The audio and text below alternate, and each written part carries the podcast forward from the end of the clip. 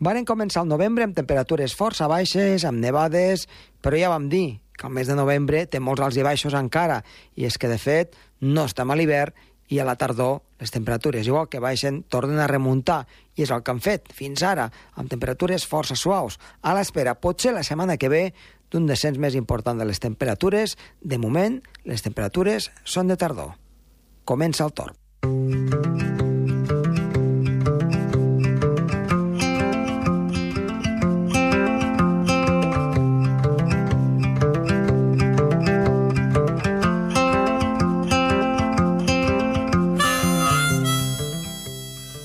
Doncs uh, avui en el programa Tor el que tenim és una situació que vindrà amb dos conceptes molt clars. Una primera, amb... encara parlarem una miqueta de bolets, del que es poden trobar arreu del Pirineu i en zones ja fora del Pirineu.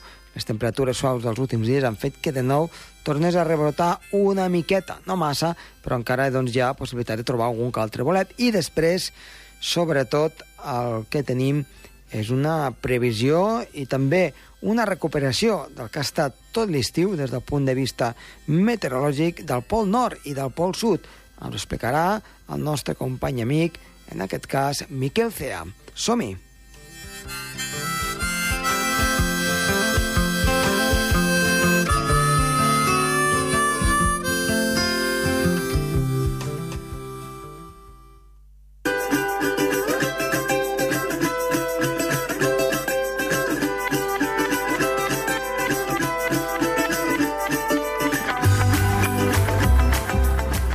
Connectem ara amb Sergi Càrceles. Sergi, molt bona tarda. Hola, molt bona tarda. Què ens portes aquesta setmana? Doncs avui parlarem una mica sobre els bolets. Ah, Eh, sí, sí, parlarem sobre els bolets, que bé, els bolets són bastant presents aquí a Andorra. i tant, aquest any I- ha estat força bo. Sí, amb tantes pluges, han hagut moltes pluges aquests dies, aquests, aquestes últimes setmanes, i a part la temperatura tampoc ha estat excessivament freda. Uh -huh. Llavors això ha ajudat doncs, a que es formin molts bolets, no només els, els bolets, sinó també la molsa, que és una, una espècie que es crea molt també ara aquestes èpoques de l'any. I parlarem doncs, una mica de quins bolets ens podem trobar aquí a Andorra, quan es formen i bé, una mica les seves característiques. Molt bé, doncs va, som-hi.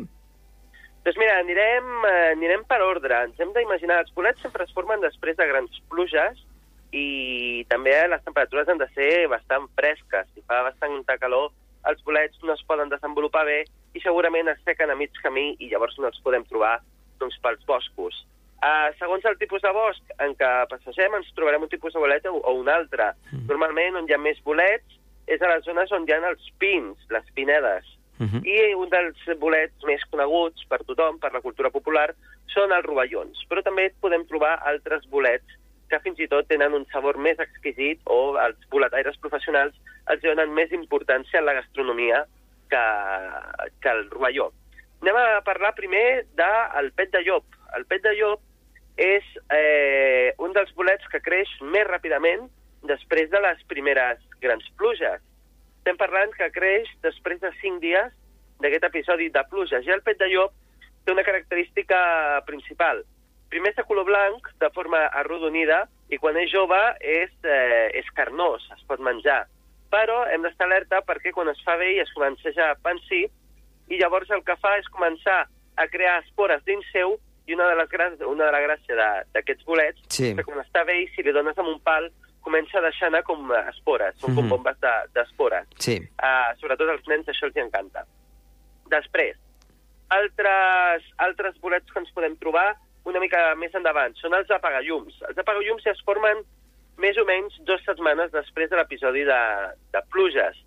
La característica de l'apagallums és que és de color blanc i gris, és un bolet que apareix molt gran, molt, molt gran.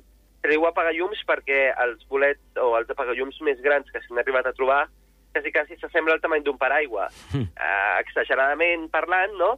Però sí que són uns dels bolets més grans que hi ha uh, de l'espècie de, de fongs. Eh, aquesta, aquest és comestible també, parlarem de tots els comestibles que, que hi ha ara mateix, i eh, aquest eh, l'agafa poca gent perquè és el que diem, té una, una aparença una mica amenaçadora, de color blanc i gris, és molt gran, llavors la gent, quan veu un bolet tan gran, diu si és tan gran és perquè ningú l'agafa, i si ningú l'agafa és perquè és verinós. Però eh, si el saps distingir bé i li treus el tronc i et quedes només amb el, amb el barret, eh, es pot fer servir per pizzas, també per rebossats i queda molt bo. Després, el cep apareix també més o menys igual que l'apagallums. I el cep és considerat un dels bolets més bons que hi ha i més gustosos. El cep també té una forma, té una forma bastant eh, ampla, eh, té un barret, que és bastant dur, el tronc també és bastant dur i bastant ample, té una forma ovalada, i apareix també doncs, en aquestes zones de pinasses, també a vegades apareixen rouredes o alzines, Mhm. i és el que diem, és un dels bolets més preciats que hi ha. Més endavant, ja tirem més de dues setmanes, els mullerics o també els rovellons. Aquests eh, bolets apareixen després d'uns 15-20 dies eh, després de les primeres pluges. Les dites populars diuen que els, rove- els rovellons apareixen tres setmanes després de les grans pluges. I els rovellons és un dels bolets que, per la gent que sigui més eh, principiant en l'àmbit de collir bolets, el rovelló és el bolet més segur a l'hora d'agafar-ho, perquè no hi ha possibilitat d'equivocar-se. Per què? Perquè hi ha un rovelló que es diu rovelló mare, almenys eh, hi ha gent que li diu rovelló mare, que té la mateixa aparença que aquest rovelló i és verinós, però no ens hem d'assustar. Per què? Perquè un cop agafem un rovelló, el que hem de fer, el que hem de fer és tallar-li el tronc. Un cop tallem el tronc, veurem que al seu voltant, en el tronc, deixarà anar o sang, que és un líquid de color taronjós vermell, o llet, que en aquest cas és un líquid de color blanc. Si dona... Si el que deixa anar és un líquid blanc, és verinós, llavors no l'hem d'agafar. Però si el que, el que treu és un líquid de color vermell o taronjós, és bo. No hi ha equivocació i és 100% segur que ens el podem menjar. Mhm, I tant. I després, eh, per acabar, un dels bolets també molt agafats eh, a les terres d'Andorra i també de Catalunya són els camagrocs i els pradolics. Els camagrocs apareixen en grans famílies, són eh, molt abundants, sobretot quan hi ha una bona època pots omplir quilos i quilos de camagrocs a punyats, i apareixen quasi quasi després d'un mes de les grans pluges. Són un dels últims bolets que apareixen i, curiosament, són un dels més petits que hi ha. Mhm. Uh, aquests tampoc tenen gaire equivocació, a part si els olors fan bona olor, i uh, se li diuen camagrocs perquè tenen el tronc de color groc i el barret de color eh, marró. I bé, uh, hem de tenir una mica bona vista al principi perquè es camuflen amb l'ambient, però un cop els veiem ja veurem grans famílies i podem omplir el cistell amb molta facilitat. Molt bé, molt bé, doncs ja, ja ho tenim ben entès. Uh, a veure si encara doncs, aguanta una mica les cotes baixes uh, la temporada de bolets i si no, doncs haurem d'anar cap al sud que estan començant a sortir. Sí. Moltes gràcies. Doncs res, que vagi bé. Adéu-siau, fins la setmana vinent. Adéu-siau.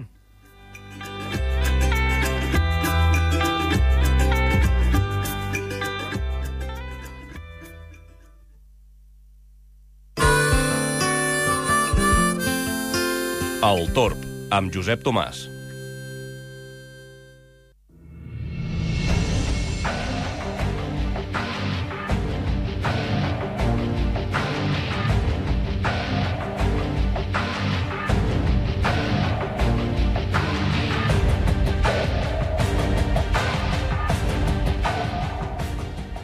En l'entrevista d'avui ens anem a parlar del Pol Nord i del Pol Sud, com fem un parell de vegades a l'any, aproximadament, parlant amb el nostre company amic, en aquest cas, Miquel Cea. Miquel, buenas tardes.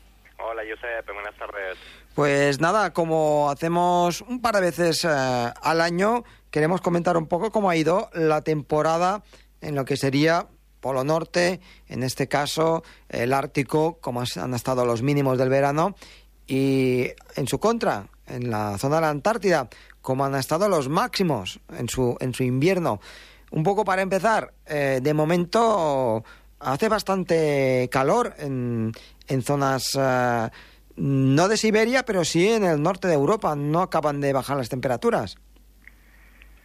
Sí, sí, sí, bueno, eh, de la misma forma que parece también que hemos tenido por aquí pues pues una semana pasada bastante fría, pues pues en esa línea de intercambio de masas de aire meridionales, pues, pues podríamos también pues situar eso que está ocurriendo estos días hacia Escandinavia y el norte de Europa, así con temperaturas pues muy altas para estas fechas realmente.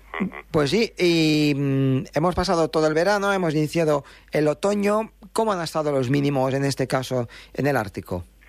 Bien, pues eh, el verano para la banquisa del Ártico, para el hielo marino, ha sido pues un verano en la línea en la línea de lo habitual dentro de la última década. El mínimo se ha situado en unos cuatro millones y medio de kilómetros cuadrados de extensión que es aproximadamente pues pues el valor de el valor medio de, la extensión del mínimo durante los últimos 10 años también. Eh, más o menos ha quedado el sexto o séptimo según bueno los datos de distintos satélites eh, sexto o séptimo más bajo eh, en ese ranking. Y pues en la media de, de esta última década pues por debajo bueno casi pues millón y pico de, kilómetros cuadrados por encima de lo que fue el récord mínimo de 2012, pero pues también pues pues un par de millones de kilómetros cuadrados mínimo por debajo de, de lo que era habitual pues hace pues hace 20 años o algo así. Muchas veces lo comentamos, ¿eh? pero yo te lo quiero volver a, a, insistir en ese aspecto. Eh, los satélites que medían hace 20 años, mm, ¿medían bien? Sí, sí, no, las series estas, bueno, están, mm, quiero decir, eh, hoy en día sí que tenemos satélites con sensores, equipados con sensores que tienen mucha más resolución que la que había entonces y demás, pero bueno, a la hora de hacer las series largas, digamos, la serie 1979 hasta la actualidad, que, solemos utilizar como referencia, sí que se ha construido de forma que todas esas medidas eh, sean consistentes, ajustándose pues a la resolución que tenían a, pues los satélites entonces y, usando los datos de hoy en día también pues para que sean consistentes con ellos. Por lo tanto, ha estado, digamos, un verano mm, menos cálido, pero igualmente mm, un poco por debajo de la media eh, de todos estos años, pero no tan triste, podríamos decir, como el 2012. Sí, eso es, sin, sin extremos especialmente destacables, pero en la línea de la última década, que son pues valores después de, de, la brusca caída que hubo en 2007, pues nunca se ha vuelto a los valores que eran habituales antes de ese año y, bueno, pues en décadas anteriores eran aún en los 90, en los 80 eran aún pues algo mayores, solían ser los mínimos pues de unos 7 millones de kilómetros cuadrados y este año estamos hablando pues de 4 millones y medio. Está por encima de, de, los 3 y poco eh, que se quedó en 2012, pero pues pues son valores mucho más bajos de lo que era habitual. Este año también ha destacado eh, sobre todo por lo tardío un poco de la fecha en la que se ha producido el mínimo. Eh, mientras que los meses de junio y julio fueron, pues tuvieron unas condiciones meteorológicas y de circulación atmosférica bastante favorables para la banquisa, que se mantuvo en valores pues siempre cerca de la media de la última década o incluso algo por encima. Eh, durante el mes de septiembre, ya desde mediados de agosto, cambiaron mucho las condiciones, comenzaron a bueno pues a haber una serie de dorsales anticiclónicas a través de la zona del estrecho de Bering y de Alaska que han estado pues constantemente durante todas las últimas semanas de agosto, septiembre y la mayor parte de octubre, pues eh, arrastrando aire pues templado hacia hacia esa zona de, los mares de Chukchi, Beaufort, de Siberia Oriental, toda esa zona al norte del estrecho de Bering y al mismo tiempo pues eh, provocando una deriva, un movimiento de la banquisa hacia el norte que, que también en muchos momentos ha tendido a reducir la extensión. Eso es lo que pasó en septiembre, que parecía que ya normalmente el mínimo suele darse hacia el día 10 y debido a esto, pues el mínimo realmente este año, aunque iba bajando muy poquito, se ha dado, se dio el día 21, en torno al 21 de septiembre, que es una fecha pues tardía, muy tarde. Y luego la recongelación, el inicio también ha sido muy lento durante pues casi todo el mes de octubre mientras se mantenían esas condiciones meteorológicas y ya a finales de octubre la cosa ya ha cambiado, eh, ha llegado, bueno, pues, pues el aire frío ya se ha adueñado del Ártico, y durante finales de octubre y principios de noviembre la, extensión se ha recuperado de forma bastante rápida y nuevamente pues vuelve a estar ya en, los valores habituales para estas fechas dentro de, la última década. Em, vamos a ver un poco por, por, zonas, ¿no? Eh, hablamos siempre de los diferentes pasos, en este caso del nordeste, por la zona de Siberia. Ese supongo que se abrió sin ningún problema, como viene siendo habitual. El paso del noreste bueno, se ha abierto este año, eh, más o menos en fechas habituales, un poquito más tarde, porque sí que en junio tuvieron unas condiciones, sobre todo pues en el mar de Cara y así, eh, pues con bastante hielo. Hacía bastantes años que no había tanto hielo. Tuvieron algún problema, bueno, pues está aumentando bastante el tráfico marítimo por allí. Hay algunas plataformas petrolíferas que tienen los rusos y, y llevan cargueros por la ruta del Paso del Noreste. Y a principios del verano, pues, pues tuvieron algunos problemas porque se encontraron con bastante más hielo del que solía del que solía haber últimamente. Sin embargo, luego la cosa cambió muy rápido y, ya para julio la se despejó totalmente y, el paso del noreste ha estado básicamente abierto. Mm. En alguna zona que quedaba algún remanente de hielo, pero bueno, básicamente estaba abierto. Vale. Por el lado contrario, en el lado canadiense, Sí.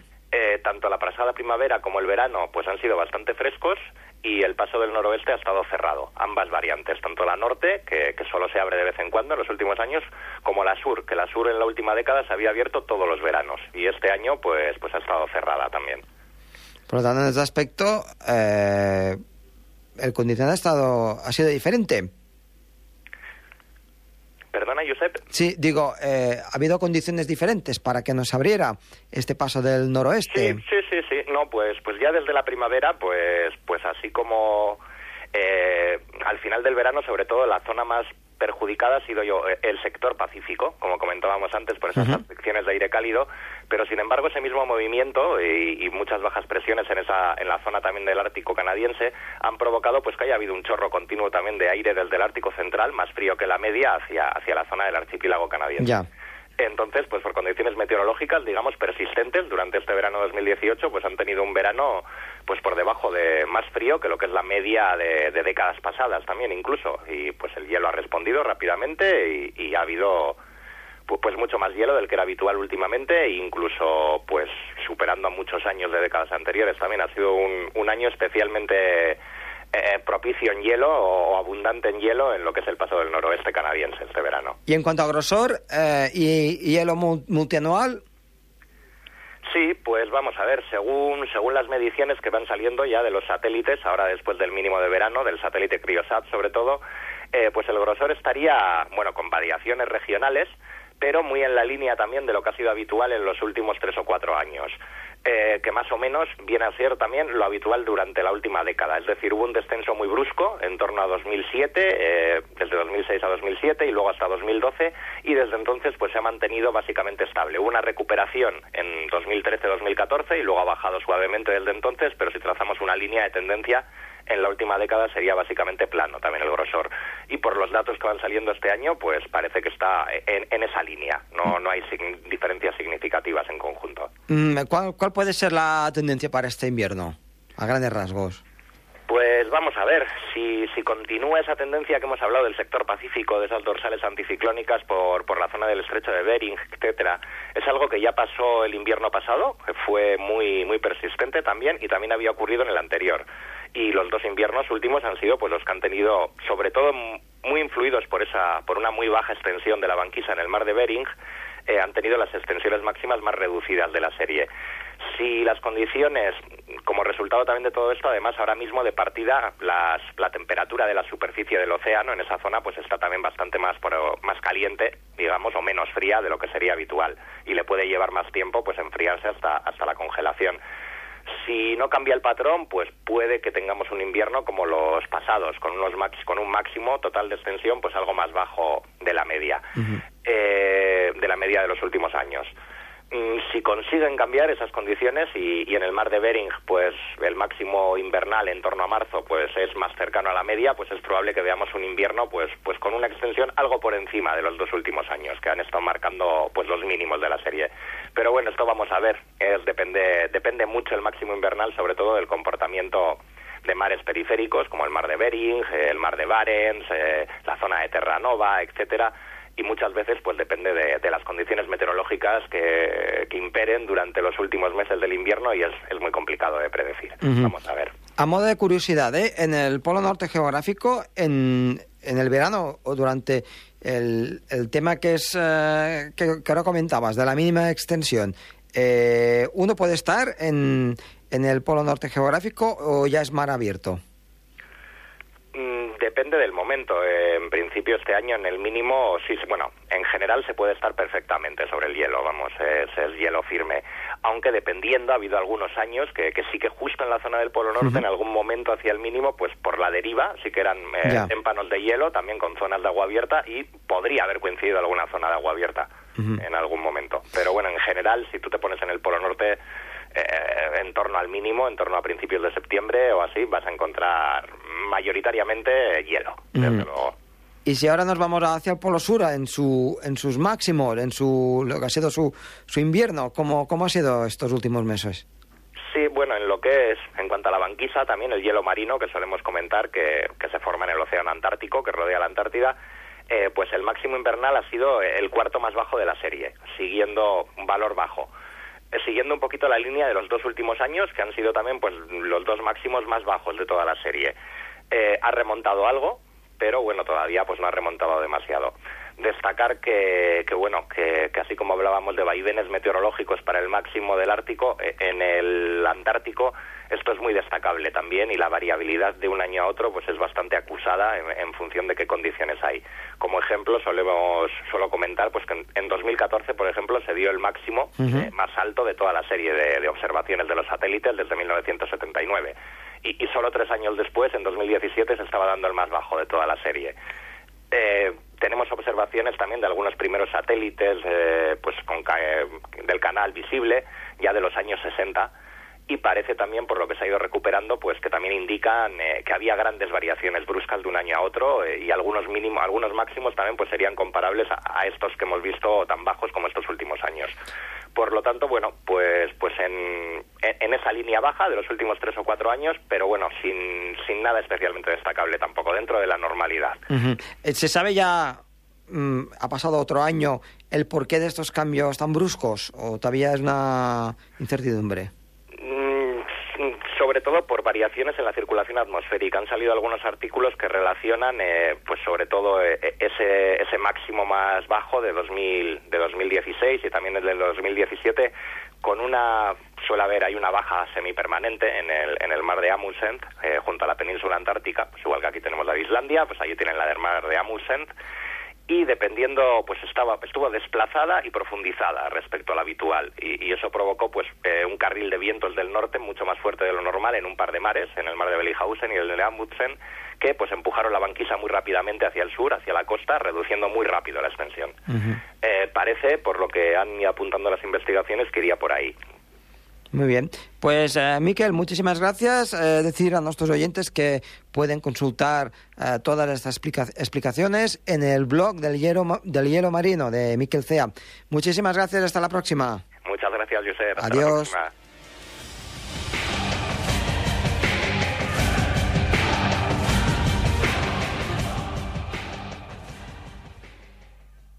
El Torb, amb Josep Tomàs.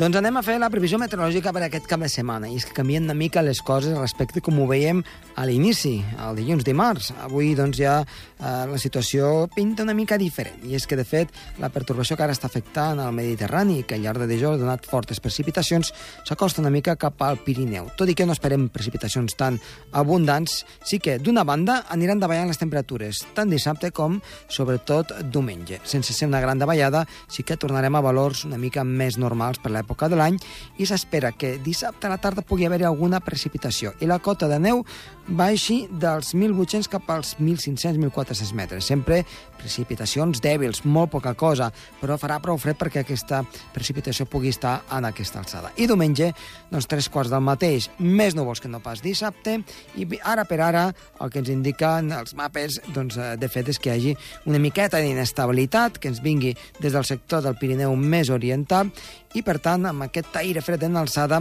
pugui haver alguna feble nevada. Cota neu també 1.400-1.500 metres. En definitiva, un cap de setmana una mica inestable al Pirineu, tampoc massa, però sí que amb una davallada de temperatures i per tant si han d'anar a la muntanya, precaució en aquest sentit, sapiguin que es poden trobar una mica de neu, alguna nevada als cims de les muntanyes i també un augment de les boires.